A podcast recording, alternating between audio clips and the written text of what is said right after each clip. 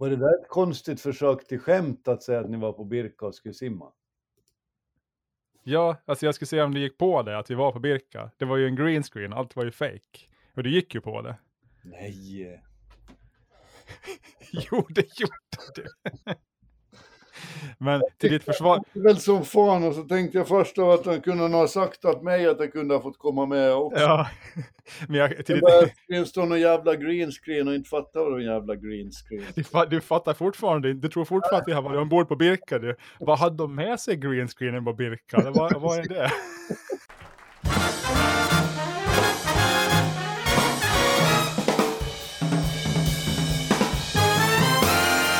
God morgon alla våra kära vänner och god morgon Rosenqvist i Finström, närmare bestämt doktor Fredrik Rosenqvist. Vi börjar med att presentera dig idag. Hur mår du? Ja, jag mår jättebra. Det är sommar och varmt, på min favoritårstid. Den enda årstiden som är värd namnet tycker jag. Det låter härligt att höra. Jag heter Jörgen Pettersson och jag kommer att få den stora äran att ratta idag medan Fredrik sitter ute i Finström och vrider sig av oro för vad som ska hända, för han är en sån som ogillar att förlora kontrollen. Vad har du lärt dig den här veckan, Fredrik? Har du lärt dig någonting? Eh, vad har jag lärt mig den här veckan? Jag har lärt mig massor med grejer om, om, om vårt barn, men det kanske inte är intressant för lyssnarna att höra. Jo, det är det. Eh, Berätta någonting, den senaste slutsatsen som du har dragit. den, den senaste slutsatsen, jag, jag har lärt mig ett nytt tecken som han ger när han, när han jag tror det är när han har kissa eller, eller bajsa, så, så, så gör han en rörelse med handen så jag ska, så jag ska förstå. Eh, så det är ett liksom verkligen ett genombrott i, i vår kommunikation, för det är bland det viktigaste han kan förmedla, att han, nu behöver jag en ny blöja här. Så- Ungefär som eh, Gudfadern-filmen, du vet han, när han ska ha någonting gjort så viftar han lite förstrött med handen och då vet alla Mm. direkt att nu ska man skjuta några ur, ur grannklanen. Ja, han har en annan, en annan handrörelse, som, den har vi förstått för flera veckor sedan, när han, när han viftar lite, med, vevar fram och tillbaka med, med, med armen. Det betyder att han vill höra musik, antingen att man själv ska sjunga eller att man ska spela Grease-soundtracket på LP. Han är vansinnigt förtjust i Grease. Så han, han, han ser fram emot höstens eh, föreställning, eller föreställningen med Grease, som ju blev uppskjutna från i våras. Då. Så Han kommer att sitta där på första parkett och veva med armen. Ni fostrar en riktig gentleman hör jag, och ett, ett klart ämne. Grease, det var min favorit. Jag lyssnade på Grease 24-7 under tre års tid när jag var tonåring. Mm, ja, det alla finns däremot, vi, det, jag vet inte, alltså de här texterna är ju lite så här eh, kvinnofientliga och de är inte så PK idag. Det är någon som handlar om den här Grease Lightning i bilen när han sjunger om sin Pussy Wagon. Och sen är det en annan som handlar om någon beauty school dropout där han där eh, sångaren då, som sjunger åt henne att hon ska gå tillbaka till high school och den enda som komma och fixa sig på din salong är ju en hooker. Alltså.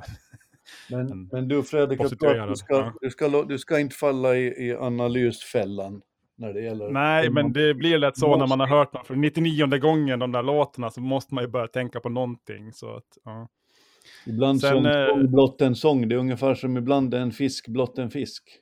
Ja, den ros är blott en ros. Eh, sen håller jag på att läsa en bok som jag har väldigt höga förhoppningar på. Det är roligt när jag är ledig då, inom parentes, så lä läser jag en bok om hur man jobbar bäst. Det? Det måste är sjukt.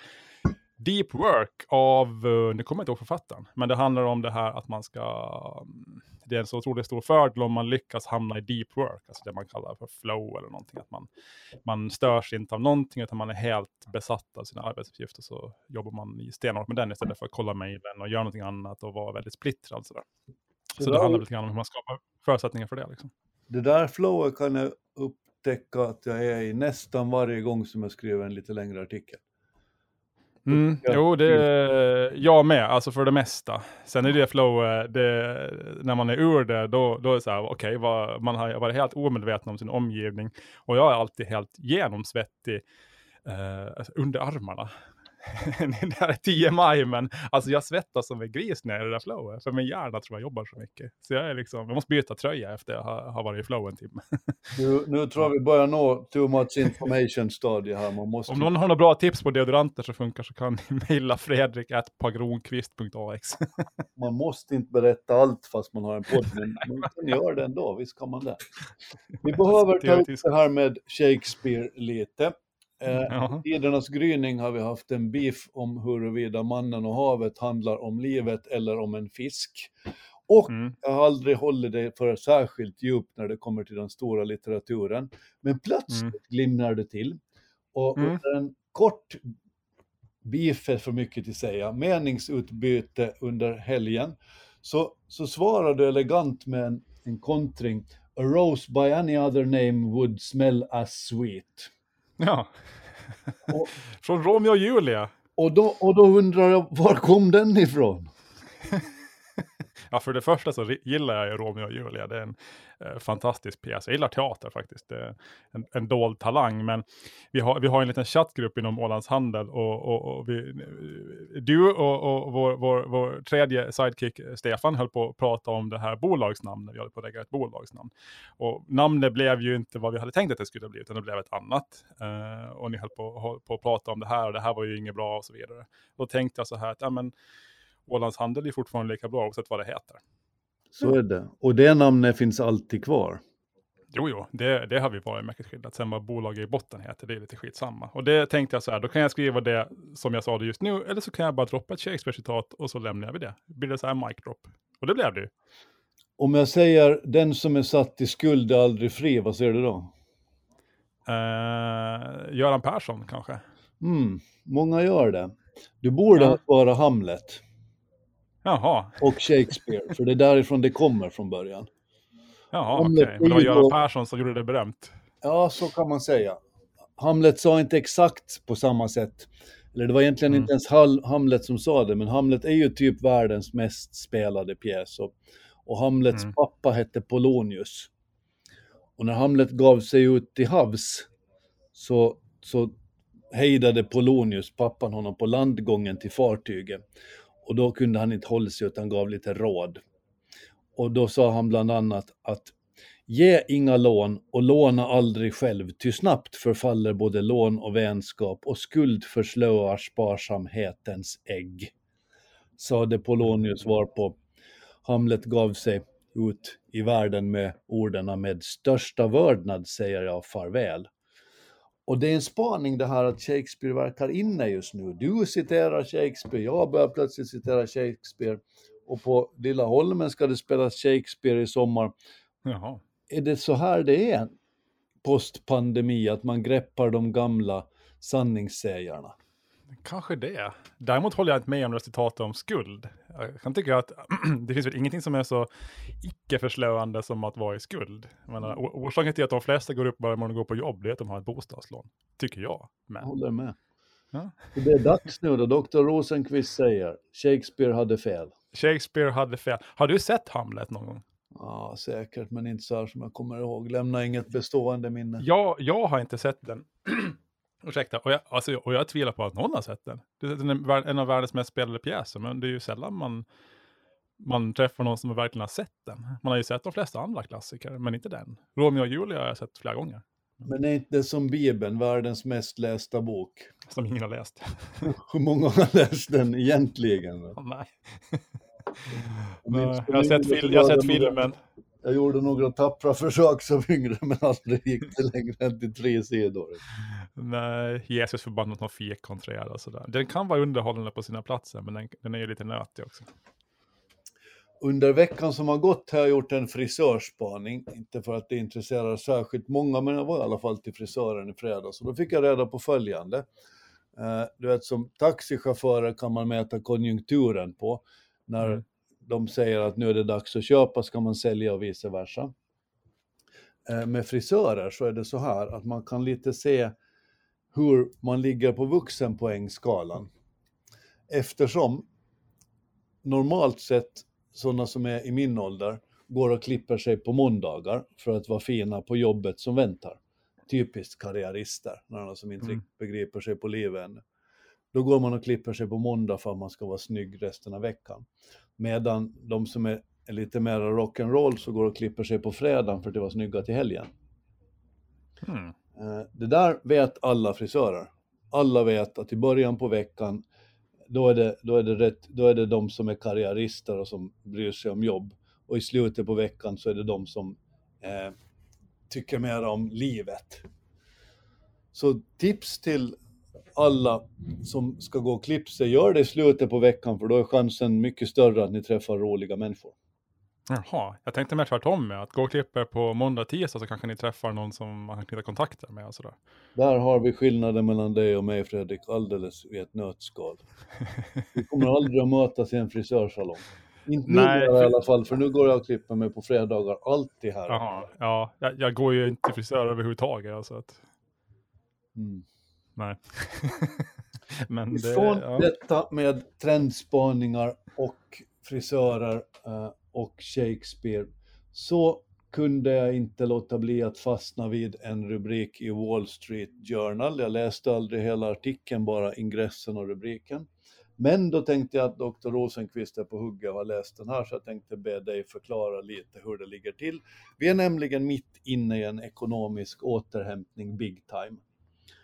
Det, det bränner i alla knutar just nu, men det är svårt att hitta folk inom många branscher.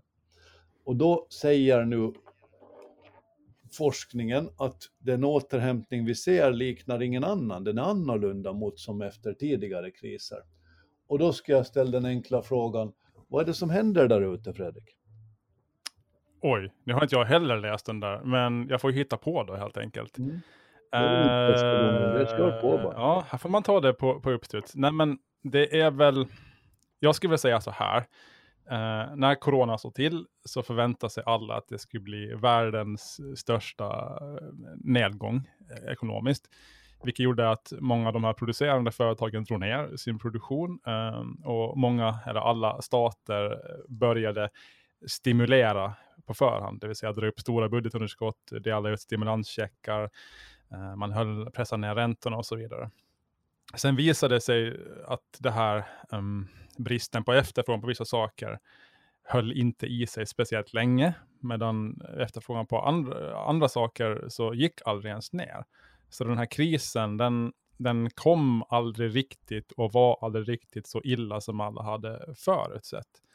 Och man brukar kunna säga att kriser ibland kan vara självuppfyllande, men i det här fallet så var det lite tvärtom, för att mitt i allt så hade många minskat sin produktion av allt möjligt, olja och, och koppar och, och sågade trävaror och sådär, samtidigt som eh, staterna stimulerade och så fanns efterfrågan fortfarande där, vilket ledde till enorma prishöjningar och en, en fantastisk eh, högkonjunktur. Så vi fick en, en jättestark återhämtning utan att egentligen ha haft en kris. Så det är väl därför vi har en sån superkonjunktur nu då. Skulle jag säga, så här spontant. Kan man i det läsa in, för en av de branscher som har varit satt under eld under väldigt många år är egentligen den, den utvinningen av fossila bränslen och allt som hänger med den. Uh, oljeutvinning, oljetransporter, oljeanvändning eftersom det skapar utsläpp som inte är önskvärda. Uh, trots allt detta så har egentligen oljeproduktionen aldrig gått neråt, den har nästan stigit hela tiden. Jag ska låta det vara osagt om det stämmer under 2020, men mycket troligt fortsatte den stiga då också. Uh, under pandemin så upphörde, som du sa, en stor mängd av världens produktion och oljeberoendet var kanske lika stort, men efterfrågan sjönk dramatiskt, vilket fick en himmelens massa olika följder. Oljepriser gick ner på minus ett tag. Eh, alla rederier som ägnar sig åt oljetransporter fick se rater gå rätt ner i källaren. Eh, jättebolag som, som Concordia i Sverige och andra fick plötsligt riktiga problem, finansiella problem alltså, vilket man inte har sett riktigt komma. Under denna kris så passade åländska Lundqvistrederierna på att beställa två splitternya tankers. Så de satsar stenhårt och har nu en flotta på 12-13 fartyg som i stort sett är splitternya. Och då ser jag en spaning ifrån omvärlden att någonting som heter Energifonden Maritime AS, eh, det är ett dotterbolag till Energifonden i Sverige, så går in för att köpa ett gammalt tankfartyg, en Aframax-tanker, alltså i samma storlek som, som åländska Lundqvist eh, opererar. Det här fartyget Agneta Pallas är byggd 2006 och har egentligen sin livs, har kommit till slutet på sin livslängd. För tankers så används inte efter att de är 20 år fyllda enligt krav från oljebolagen för man är rädd för vad som ska hända vid ett utsläpp och så vidare. Ändå går de nu in och köper detta fartyg. Trots att det kanske återstår fem års livslängd, kanske tio beroende på hur man sträcker ut det lite. Eh, det här drar jag slutsatsen av att vi står inför en enorm uppgång inom det segmentet. Inom tankers i världen, inom eh, produktion och inom i stort sett allting eftersom oljepriset är så väsentligt på så många plan, inte bara för arabvärlden utan för Ryssland och alla möjliga. Så frågan är nu, vad kommer till hända när allt detta, när, när den perfekta stormen är här, fast tvärtom? Ja, den, den som vet det, men det är väl som du säger, man förväntar sig att det ska bli en sån högkonjunktur nu som håller i sig i x antal år. Uh, åtminstone på två, tre, fyra års sikt. Bland annat med, med väldigt höga oljepriser. Så det är ju det alla väntar sig. Sen vet man ju aldrig vad som händer. Det kan ju fortfarande hända uh, oväntade saker. Men det här är ju otroligt annorlunda jämfört med vad vi trodde för ett år sedan när eh, oljepriset gick ner, alltså vissa terminer på den här amerikanska oljan gick ner till minus. Då var ju rädslan att nu kommer alla de här amerikanska skifferproducenterna gå i konkurs och kommer dra, ner, dra med sig alla amerikanska banker och det kommer bli världens största krasch, större än den på 30-talet. Men det blev ju inte så. Allting återhämtade sig så väldigt snabbt och nu är det som du säger, det högkonjunktur på gång. Så att, mm. Det är helt fantastiskt och det är, är, är tio plus för, för denna podd, för där sa vi faktiskt från allra första början att det här är någonting som är besvärligt nu och det känns läskigt, men det kommer en tid efter pandemin där allting händer. Och det mm. där får stöd i nyhetsrapporteringen också på europeisk nivå, där vi under 2021 har sett en tredubbling av nya unicorns som har sett ja. dagens ljus. Och nu tänker folk bara, va? Enhörningar? ja.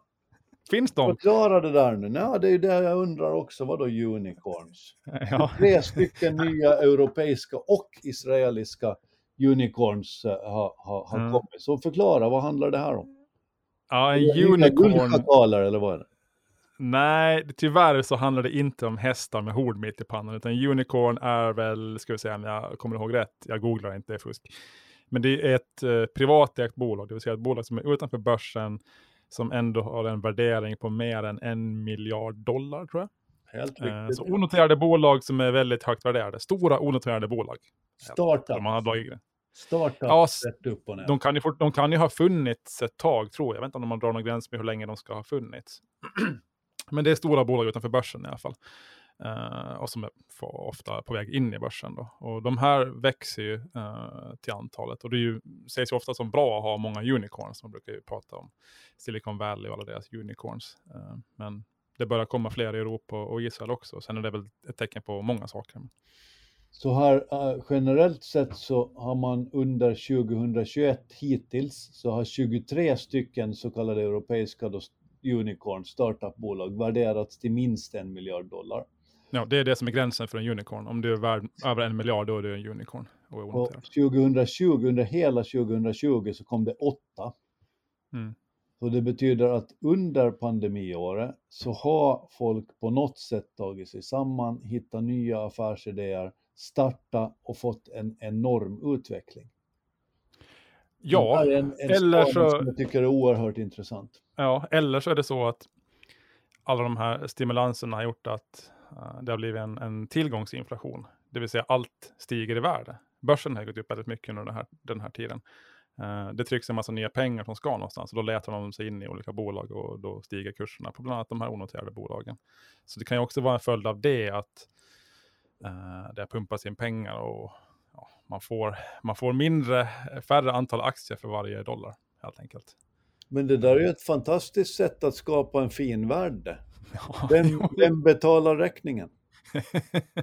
ja, det gör ju vi då till slut när det, när det inte håller längre. Sen är det också en, eh, en trend att de här företagen väntar längre och längre och längre med att gå in på börsen. Och det är därför vi får många, många unicorns också, att vi har väldigt stora företag som inte är noterade. Uh, för dels har det blivit väldigt mycket lättare att, att få fram kapital på de här privata marknaderna, det vill säga innan man går på börsen och man slipper det här krångliga regelverket och allt så. Så det tar ofta väldigt länge nu när bolagen noteras och när de väl noteras så är de ju värda långt mer än en miljard. Uh, vi har sett flera sådana. Som... Ett finns av flera... de bolagen som har gått väldigt starkt är blockchain.com. Mm. Det finns säkert flera, har du namn på dem? De här unicornsen? Ja. Uh, nej, alltså jag kan tänka mig att Klarna, svenskt, kanske borde vara någonstans där va? Uh, ja, de är ju inte noterade. Uh, men det är många sådana. Sen menar de, de här Roblox som kom in och Coinbase och alla de här. Airbnb kom ju in förra året. Och det är ju sådana företag som har funnits väldigt länge och, men har väntat väldigt länge med att komma in på börsen. Det är inte som för, förr i tiden när det liksom ja, starta och sen ett halvår senare så börsnoterar dig för att kunna casha ut. Utan nu jobbar folk utanför börsen i många år. Sådär. Hur många av de här tror du är drivna av uh, passion? Passion? Jag skulle väl hoppas att alla är det. Eller tror nästan. Um, det, det, går inte att, att, att, skapa en unicorn om det inte finns någon åtminstone passionerad människa, människa i bakgrunden som har en idé som de brinner för. Det, det är nog min starka övertygelse i alla fall.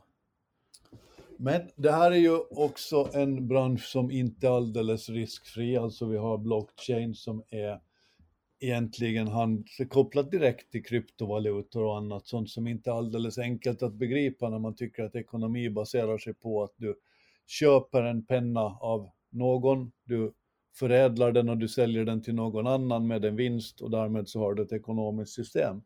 I, idag ser det ju annorlunda ut. Och i kölvattnet till till exempel utvecklingen av unicorns och andra avancerade ekonomiska system så har man ju också en skuggsida. Vi noterar fler ransomware-attacker än någonsin tidigare. Det där har du läst in dig lite på.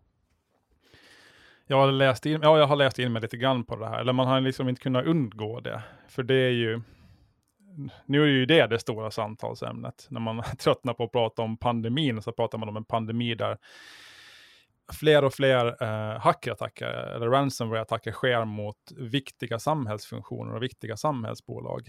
Eh, och det här har ju pågått alltså, ganska många år. Eh, 2017, 2018 kanske det tog fart på allvar. Och det går ju i stort sett ut på att eh, kriminella nätverk, främst i Ryssland eh, och i andra östeuropeiska stater, eh, hackar sig in på datorer på olika företag, eh, låser dem och begär en lösensumma i bitcoin för att låsa upp dem igen. Eh, och det har ju skett flera sådana här stora attacker nu de senaste månaderna som har gjort att det här har blivit ett diskussionsämne. Om man går tillbaka och tittar på hur mycket det ökar och vad som händer. Och det är ju helt hemskt, alltså hur mycket attacker som sker och hur mycket pengar det omsätter. Det var ju nu den senaste tiden så har ju, det var ju en pipeline, en oljepipeline, den viktigaste i hela Nordamerika tror jag, stängdes ju ner på grund av en hackerattack. Uh, sen var det ju också världens största köttproducent som fick stänga ner verksamheten för att de blev, de blev hackade. Uh, och sen har det ju också varit uh, det vanligaste målet för de här, de här hackarna, det är ju sjukhus. Uh, de sjukhus hackas hela tiden, uh, mycket i USA, bland annat på grund av att då dels är sjukhus väldigt dåliga på it-säkerhet uh, och för det andra så är de ganska benägna att betala lösensumman i och med att man vill ju gärna kunna eh, fortsätta med sina operationer och, och, och, och kunna övervaka sina patienters EKG så att de inte dör. Um, och de här hackarna är ju helt hänsynslösa. Alltså jag läste någon siffra på hur många eh, attacker det har skett mot sjukhus. Jag tror det var över 200 stycken sjukhus har blivit hackade på ett par år i USA. Uh, eh, och det får ju liksom följder att operationer ställs in och att man, man, man, den här övervakningen av patienter som är hemma där man har koll på deras liksom, vital signs, vad heter det på svenska? Uh, alltså ja, puls och, och andning och sånt. Man, man tappar kontakten med dem. Och det här är ju helt hemskt. Alltså, vem, vem gör sånt? Men det gör de. Och det omsätter ju alltså, hundratals miljoner dollar det här varje år. Men då så... när man hör det, för så där har det ju alltid varit. Vi har, alltid, vi har länge pratat om, om, om IT-pirater mm. och, och, så vidare. Och nu har vi ändå under den senaste veckan kunnat följa operation Tro Trojan Shield. Mm. Den är ju helt fascinerande. Mm. Där polis över hela världen har planterat ut system som man har sagt att det är säkra Mm. för skurkar att använda och så har man i själva verket avlyssnat dem. Ja, det var ju FBI som skapade det här. Och FBI lyckades ju också nu, de, de, den här pipelinen som hackades, de tog ju betalt i bitcoin då. Och FBI lyckades ju få tillbaks ja. många av de här bitcoinsen. De lyckades hacka sig in på en sån här, alltså wallet, en sån här digital plånbok där de här bitcoinsen förvarades. Trots att de här människorna försöker tvätta de här bitcoins i olika såna här, ja, det finns olika metoder för att tvätta bitcoins. De går ju att spåra eh, fortfarande. Men jag vet att FBI-direktören, jag vet inte vad han heter, men han gick väl ut för ett tag sedan och sa att det här hotet från de här alltså cyberterroristerna, vad man ska kalla dem, det är lika allvarligt som, som 9-11.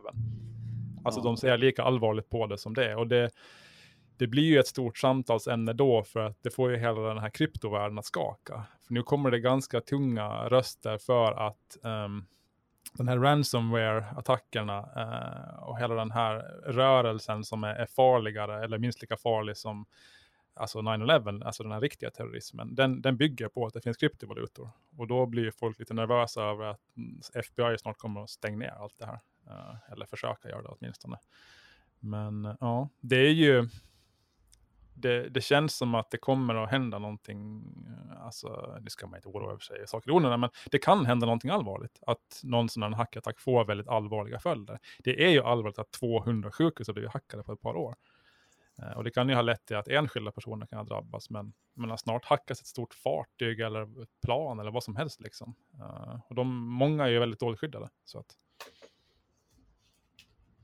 Det där leder ju osökt tanken till, eh, till vår vän Elon Musk som ju då tog avstånd från kryptovalutor som bitcoin här för ett tag sedan. Först så lansa, gick han all in och Mm. menade att det var frälsningen av världen.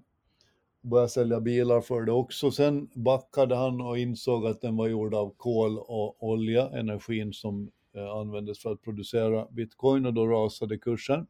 Nu igår så har han tänkt om en gång till och skriver att eh, så vitt att man nu kan börja tillverka den här energin med mera på ett grönare sätt så då börjar han tro på bitcoin igen vilket fick kursen att rusa på nytt. Eh, Det där börjar illustrera faktiskt ganska mycket av det som vi har lärt oss under pandemin tycker jag. Att allt sånt som man har trott att är sant och stämmer faktiskt inte gör det. Utan Mm. det byter skepnad och då måste man förhålla sig till det. Säger inte någonting om världen vi lever i just nu då? Det gör det nog. Man får vara beredd på att världen ser annorlunda ut och det man trodde att man visste igår inte stämmer längre när man vaknar upp nästa morgon. Men det, det är lite spännande ändå. Det är lite spänstigt sådär. Att man, man, man aldrig slutar att bli förvånas. Eller bli förvånad. Eh, det är ju en, det är en otroligt fascinerande tid vi lever i ändå. Tänk vilken ynnest att ha, jag tänker ofta på det. Jag, både du och jag har ju upplevt en värld före internet. Eh, Mm. Men vi har också upplevt den här världen som vi lever i nu med internet. Och det är, det är inte så många procent av de som någonsin har levat som har gjort det. Och det är ganska, är ganska häftiga perspektiv på tillvaron tror jag. För det är ju det kanske den viktigaste förändringen som någonsin har skett, skulle jag säga. Och den har bara det med att om. ha fått vara med om en pandemi egentligen. Ja, det är också. Tänk Jag det, menar, snart, om 20-30 år kan vi berätta för våra barn och barnbarn och vad det nu Ja. är för någonting. Att, ja, ja, vi var med om en pandemi vi. Mm. Och alla bara sitter runt och va? Berätta Ja. mer. Sen var de ju som, de som jag menar, föddes i, i början på 1900-talet, de var ju också med om en, sin beskärd del av, av grejer, men jag tror det är på ett, ja, det, de, de senaste 40 åren har nog ändå varit mer händelserika ändå. Och vem vet vad som händer i framtiden liksom. Men det är roliga tider, eller roliga, spännande tider vi lever i alla fall. Jag läste en väldigt stark tweet häromdagen som handlade om Anne Frank. Som om hon hade levt så hade hon fyllt 90 i dagarna. Mhm. Och det, det på något sätt tyckte jag kändes omtumlande. Att, att förintelsen och det som hände under andra världskriget och före är bara en livstid bort. Mm. Ibland kan jag tänka att det var kanske 130, 140, 150 år sedan. Det är ju inte sant. Nej. Det är 90 år sedan. Det, det, det är en livstid bort. Och Anne Frank kunde ha levt det nu. Mm. Ja. Ja, vi, när vi gick i skolan så fick vi ju träffa sådana som hade suttit i, i koncentrationsläger. Eh, de var ju fortfarande så, i sin kraftsdagar när jag gick i skolan på 80-talet att de kunde berätta om det här. Jag kommer ihåg att vi hade i Övernäs skola en som kom och hälsade på där och visade sin tatuering med, med siffror på, på armen och sådär och berättade hur det var. Uh, nu är inte det möjligt idag längre. Och det, det är ju en liten risk för de som växer upp nu att det, det försvinner väl liksom förr eller senare. Det blir lika abstrakt för dem som, vad vet jag, Napoleonkrigen är för oss. För har, man har inte samma liksom, connection till det. Men, så. Det finns nog någon slags uh, inbyggd plikt som människa där att inte släppa det. Mm. någon, gång kommer man gör, någon gång kommer man göra det. När det har gått liksom så många generationer så blir det ju sådär. Men man, ingen var med. Uh, och minnefalen och sådär. Mm. Du och Anne Frank, gick ni i samma klass ni eller? eller var det liksom? Nästan. Ja. Nästan. Ni måste vara årsbarn ungefär, tänker jag. Ungefär, inte långt därifrån. Jag var hem till henne till Amsterdam här faktiskt i fjol. Ja. Just före pandemin, hösten 2019. Ja. Och jag och min hustru i Amsterdam och såg, eh, och såg platsen där de bodde. Mm -hmm. Otroligt, otrolig historia. Ja, absolut. På alla sätt. En annan otrolig historia som du faktiskt har, har ramlat över helt plötsligt. Du börjar bli litterär på gamla dagar. Det är ju inte dåligt. Uh Roligt att se att du börjar läsa lite annat än, än Excel-kalkyler och, och managementlitteratur. Jag tror att det är bra för dig. För nu har du handlat, ramlat över. Ska du Nej, nu tror du att det är den värsta litteraturen. Det jag hade hoppats det i alla fall. Nej, det är precis tvärtom mot vad, du, mot vad du hoppas på. Visst låter det som en författare? Och sånt där? Fuck, så det men, håller alltid på att bli, jag har byggt upp felaktiga förväntningar igen. Ja, men det, det är perfekt att jag aldrig har hört om den här, den här snubben, för då blir historien så mycket bättre. Uh, och nu vet inte jag om jag kan dra den så här tidigt på en tisdag morgon, men jag provar. uh, Uh, du vet på Wall Street Bets så har det här YOLO Bets blivit liksom grejen. Att man, ja. man satsar allt man äger och har på, på optioner och antingen blir man stormrik eller så, så, så tappar man allting. Uh, och jag hörde en, en radiodokumentär häromdagen om mannen som var först med det här. Som började med den här trenden. Jag tror det här var, det var några år sedan, kanske tre, fyra år sedan. Uh, det var när iPhone 7 kom ut, så ni som vet när det hände, så då kan ni eh, sätta det i tid. Eh, och han är FS Como då, han var en användare på, på det här Reddit-forumet Wall Street Bet som, som var först med det här. Han, han började göra sådana här helt galna satsningar på främst Apple, där han liksom satsade alla sina pengar på att den ska gå upp eller ner den här aktien. Och han hade så här eh, inlägg på flera tusen ord där han förklarade liksom att han allt var bedrövligt och han var alkoholiserad och det här var hans enda chans liksom att, att få ett bättre liv och, och göra på det här sättet. Och det gick för det mesta ganska dåligt för honom. Och sen då, eh, efter ett par år han höll på med det här, hans inlägg var ju superpopulära på Wall Street Bets. Han var ju liksom en superkändis. Ingen visste vem han var. Han, han, liksom, han livestreamade ibland, men då hade han en sån här vargmask på sig. Eh, man hörde att han, han bröt lite så här på kanadensisk franska, så man visste att han var en man och han visste, man visste att han var från Kanada. Då. Och sen då en dag så, så la han ett, ett inlägg, jag tror det var på 8000 ord, vilket är väldigt långt, en halv roman typ, där han förklarar då att Ja, att han för några år sedan så hade hans favorit, favoritfarbror dött och det var hemskt och han hade fått ärva 2,5 miljon och han hade liksom funderat på vad han skulle göra med de här pengarna. Han skulle placera dem säkert, men nej, han hade börjat satsa på, på de här galna eh, spekulationerna i Apple-aktien och det hade bara gått dåligt och nu hade han bara 500 000 kvar. Men nu då så skulle han liksom satsa allt på ett kort på att Apple-aktien skulle falla jättemycket när de kom med sin senaste rapport. För han tycker iPhone 7 var så dåligt på grund av att den inte hade ett sånt här vanligt eh, hörlursingång. Den hade ju en sån här lightning-port bara. Och så satte han upp en livestream där, då, så, där han streamade då, eh, när Apple skulle komma med sitt resultat och han visade sina kurser från sin, sin mäklarsida. Han satt där i sin vargmask och, och sådär. Uh, och så upp, kom resultatet och, och, han hade då satsat på att den skulle falla jättemycket. Men istället så steg den så in i bomben. Och han var ju helt i chock och bara skrek på livestreamen. Bara, no, no! Och började gråta och sådär. Och alla hånade honom och det var bedrövligt. Nu har han liksom, de sista pengarna från det här arvet var bortspelade. Och då tänker man, herregud, det var ju synd om honom. De spelade upp hur han, hur han skrek i den där dokumentären och lyssnade på. Men sen då så visade det sig att några observanta tittare hade noterat att det fanns ett D framför hans användarnamn i den här eh, För han, hade ju en, en, han streamar ju sin, eh, sin mäklarsida då, alltså sin portfölj. Men så stod det ett D framför hans användarnamn, i den här mäklarportföljen, vilket betyder demo.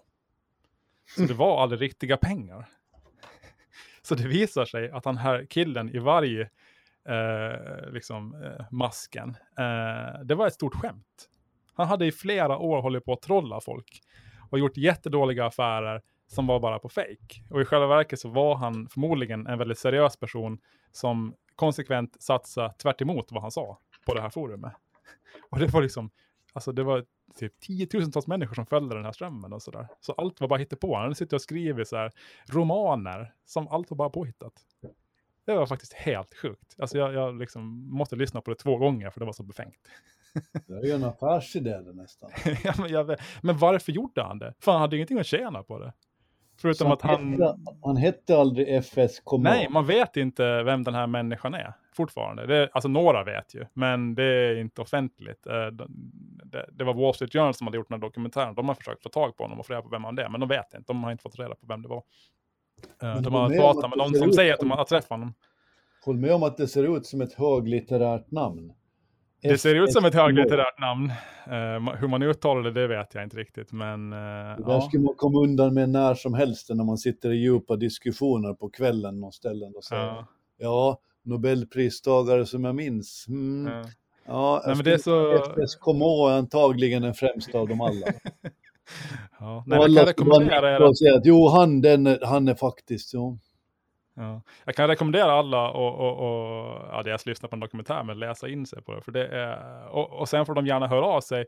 Varför gjorde han det här? Varför spelar man ett så här spratt på folk under flera års tid och massor med arbetstimmar för ingenting? Det är liksom, han, ja, det, ja, jag tycker det är så fascinerande.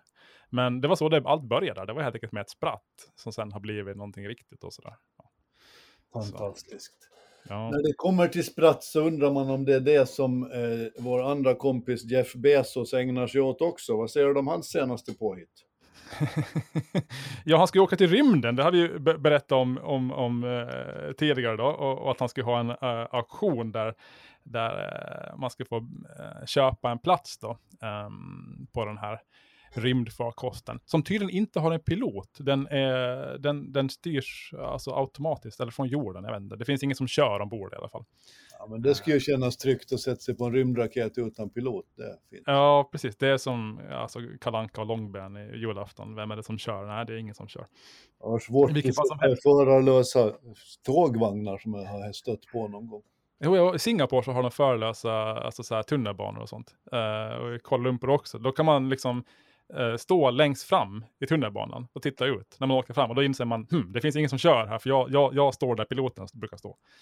I vilket fall som helst då, så hade ju de, de hade en auktion då, man fick buda på att åka med Jeff Bezos och hans bror upp i rymden här i juli. Uh, och efter det blev känt då att Jeff Bezos skulle komma med, det blev känt för ungefär en vecka sedan, det berättade vi om i förra podden, så tiodubblades ungefär buden. Uh, för man vill ju åka med om man vill sitta bredvid Jeff. Det kan ju vara bra att knyta kontakter med världens uh, typ rikaste man.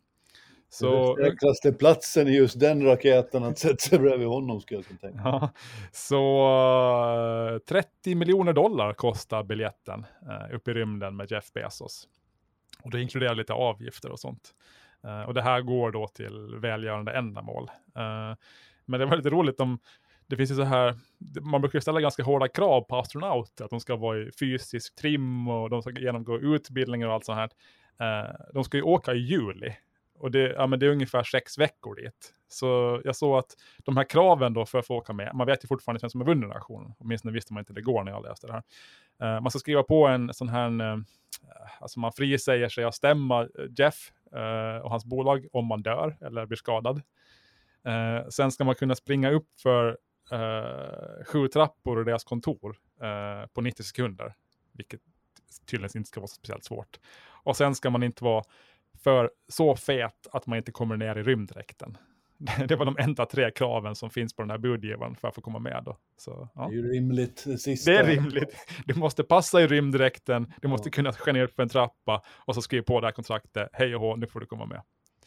Ja, så, så det var ingen... Eh, med 30 miljoner dollar då förstås. Ja. Jo, det, man måste ju ha pengar också. Då, sådär. Så ja, det ska bli spännande att se. Man lär ju få veta vem det är som har vunnit. Uh, det har ju varit sådana aktioner tidigare. Det var väl någon så här, man ska få äta lunch med Warren Buffett. Så var det någon som, eh, som bjöd på det och det, det vill ju många. Och det vill, Vem skulle man vilja att det skulle vara då egentligen? Idi Amin är ju död så han vill man inte skicka upp mera. Men, eh, men vår, no, no, den nordkoreanska Rocketman kanske? Man skulle helt vilja att det skulle vara en ålänning. Ja. Ben Lundqvist ser konjunkturen i, i den globala oljemarknaden och tänker, ah men 30 miljoner, det har jag faktiskt råd med nu. Nu är det dags. Nu är det dags att, att lämna tryggheten i, i Mariehamn och åka upp till rymden. Det skulle vara en snackis. Ja. På tal om det, det börjar bli dags att runda av denna tisdag morgon och då går, det, går första budet till dig Fredrik. Vem hyllar du denna vecka? Jag eh, kör den eh, enklaste och mest givna hyllningen som finns och det är det danska fotbollslandslagets läkarteam som räddade livet på Christian Eriksson Ja. när de spelade mot Finland. Det är så enkelt är det och det var Uh, för de som inte har, har sett det här, uh, det kanske finns någon som har bott under en sten, uh, så var det en, en spelare i Danmark som fick uh, hjärtstillestånd mitt under pågående match. Och, och ibland när folk skadar sig eller råkar illa ut på en fotbollsplan så tar det ju typ en evighet innan medicinteamet är på plats och, och hjälper honom. Alltså de var där på tre sekunder. Och vad jag har förstått det som så han, hans hjärta hade ju stannat och de lyckades återuppleva honom och han verkar vara helt återställd. Eh, och det här är ju faktiskt helt otroligt bra jobbat. Det är så skönt att det verkar ha gått bra. Nu är han ju fortfarande kvar på sjukhus och sådär, men får hoppas att han blir helt eh, tillfrisknad. Men eh, ja, det var faktiskt helt otroligt. Och man, man påminns om hur viktigt det är att det finns sådana här hjärtstartare överallt och att folk kan den här, eh, alltså första hjälpen. Uh, för det där kan hända tydligen då vem som helst. Det fick man ju se nu. Ja, Alltså han är väl typ 29 år gammal. Och bara mitt i topptrim. Och Topptrim. ändå kan det stanna. Ja. Sen måste jag säga att det var ju det obehagligaste jag någonsin har sett på tv. Det där som hände. Det, det, det, det, det var faktiskt, alltså det näst obehagligaste är Red Wedding i Game of Thrones. Det, det har lämnat djup ärr med det där. Men det där, det där var faktiskt väldigt, väldigt hemskt. Och det var ju, menar jag, det är ju ingens fel. Alltså produktionsbolagen och sånt, de hade ju ingen aning om vad som hände. Men det var otroligt hemskt att se. Alltså, att det gick bra, det är, ja, man är otroligt tacksam över det. Um, så. Hyll till dem som, som agerar så snabbt. Och min, min fru sa en väldigt bra sak, för jag var, väldigt, jag var ganska upprörd över det här och lite omskakad och sa att det här var ju, alltså det är ju hemskt. Men så sa hon att om man ska få ett hjärtstillestånd så var förmodligen det där den bästa platsen i hela världen att få det på. Det liksom, var han faktiskt kunde en stark spaning för det var Ja, exakt det var som liksom- det var. Det. han hade läkarteam som stod redo eh, 30 meter bort och, och 10 av sina, sina bästa vänner som var precis i närheten som kunde stå runt honom och skydda honom. Och han befann sig inte speciellt långt ifrån Rikshospitalet i Köpenhamn i hans hemland. Så att, ja, det var, 500 meter är tydligen det. ja, så det var ett, ett väldigt, eh, en väldigt bra eh, plats att, att få det på. Sådär. Tycker du, den där hyllningen är ju fantastisk på alla sätt, Mm. men tycker du att det var rätt att spela vidare samma kväll? Nej, alltså jag har tänkt på det här. Alltså jag, jag, jag unnar verkligen alltså Finland eh, framgång och det är roligt att, att Finland är med för första gången någonsin och det är så himla på något sätt tråkigt att det här händer när, när Finland har debut. Alltså det viktigaste är att Christian Eriksson klarar sig, men jag tycker att de inte borde spela klart det, inte en chans. Alltså den där matchen borde ha slutat 0-0. Eh, man borde ha tagit en poäng var och gått vidare. Eh, och jag tycker det är av Uefa och, och ställa kraven på Danmark att okej, välj mellan att spela klart matchen nu uh, imorgon förmiddag eller torska med 0-3. Jag tycker det är alltså omänskligt och hemskt. Eh, och det är ju inte Finlands fel och det är inte Danmarks fel, det är typ Uefas fel. Så Ja, man borde inte ja. klart den, men ja, det är som det är liksom. Men, de, det satte fart på ett spinn som jag tyckte att var, var genuint och äkta över hela världen på olika sätt. Mest glad blev jag egentligen över att se den, den eh, danska försvarsministern Trine Bramsen som skrev till vår, vår finländska kollega, Mm. hennes finländska kollega Antti Kaikkonen. mm, så skrev hon att eh, tacka för framföra dem min sincere appreciation för sympatiskt beteende och så Mm. vidare och så vidare. Just det här med, med nordiska band och att man hyllade spelaren och sportsligheten och allt sånt här. mm, Och avslutade ungefär med Congratulations on the victory. It was well deserved. We certainly saw that Finland has a strong defense. mm. Det var ganska roligt för att komma från en försvarsminister till en annan. ja, jag fattar inte kopplingen, men okej. Okay, ja, men så här alltså att Finland hade typ en målchans och Danmark hade 500. Ja, ja men det, det, det kommer en massa roliga, roliga memes att Finland är det enda eh, landslaget i världen som aldrig har missat en målchans i EM. Exakt. Det var ganska roligt. Ja, nej, men det var, ja, nej, men, ja, men hyll till dem, men det var synd att de spelade klart det, men ja, Bra och snyggt. Jag mm. tar chansen och hyllar Johanna Boyer Svanström som är informationsdirektör på Viking Line. Hon gjorde en snygg grej tyckte jag förra veckan, snarare i lördags, fredags eller fredags kanske det var, inför att Gabriella inleder sin kryssningssäsong för i år. Här vet vi att kryssningsindustrin är är däckad till följd av pandemin. Man försöker desperat komma tillbaks på olika sätt och Gabriella satsar på kortkryssningar mellan Helsingfors och Mariehamn bland annat. Det här har vi berättat om tidigare och det kommer till vara rätt mycket färgpassagerare, kryssningsfartygspassagerare i Mariehamn denna sommar. Inför det här så kom det fram att, att det fanns, man visste inte riktigt hur många butiker som skulle ha öppet på en söndag i Mariehamn i juni i år. Och då gjorde Johanna ett upprop inom eh, Facebookgrupper, bland annat Turismen på Åland och det, vi delade det vidare från Ålands Sjöfart och det fick ett enormt spinn där man insåg att vi står i detta tillsammans. Viking Line kan inte rädda allting på egen hand, utan de är beroende av det som händer i land och de i land är beroende av det som händer på havet och framtonade en slags skön helhet där man inser att hur stor och stark du än är under dessa, denna pandemi så måste vi hjälpas åt för att göra Åland attraktivt, öppet, så att de som kommer hit faktiskt ska känna sig väldigt välkomna. Och det här kanske inte ger resultat direkt denna söndag, men gör man det igen och igen och igen så bygger det en bild av att vi vill ha folk hit. Och det tycker jag att man satte igång på ett elegant sätt ifrån Viking Lines sida den här gången. Det blev en snackis som jag tycker att håller. Och det blev någonting som fick alla att tänka efter att ja just det, ja, vi måste ju hjälpas åt för att detta ska bli bra. Så i det lilla så tycker jag att eh, Viking Line och Johanna är värd denna veckas hyll.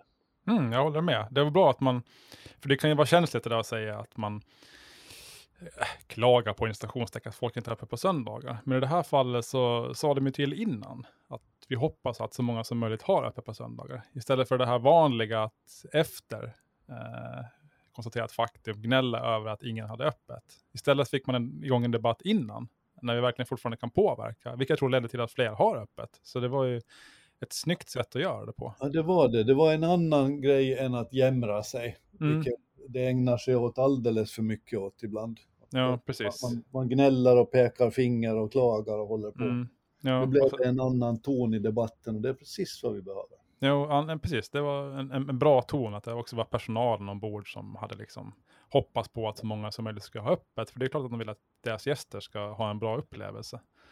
Uh, och det är ju så här, det är ju, skapar väldigt positiva, så här, vad man ska kalla det för, nätverkseffekter. Om många har öppet i en stad samtidigt, då höjs hela stadens attraktionskraft. Det vill säga alla vinner på det. Men man måste komma dit. Man måste komma dit att alla har öppet verkligen. Då, mitt i allt, så, så blir det nice att fara dit. Det är därför ofta köpcenter har krav på att alla butiker ska ha öppet vissa tider, vissa dagar. Eh, för att de, de fattar det här. Eh, I en stad så är det ju här mer problematiskt. Man kan ju inte kräva att alla ska ha öppet. Men det är ju väldigt positivt om alla har öppet eh, mycket ungefär samma tider och när folk kommer. Liksom. Med det så har vi täckt upp en, ganska många olika ämnen idag också och det är dags att säga eh, farväl för denna gång. Vi kommer tillbaks nästa vecka igen för att ge er det senaste från omvärlden, börserna och väldigt mycket annat, inte minst litteraturen som Fredrik numera har börjat Ja, precis. Litteratur, litteratur. Och, bar, och barnfronten, inte minst. det är och, barn. och kanske också berätta mera om mina barndomsminnen från andra världskriget. Ja, det ska bli spännande att höra på det. Ha en fin vecka Fredrik, tack till alla som har lyssnat. Tack och hej. Hej.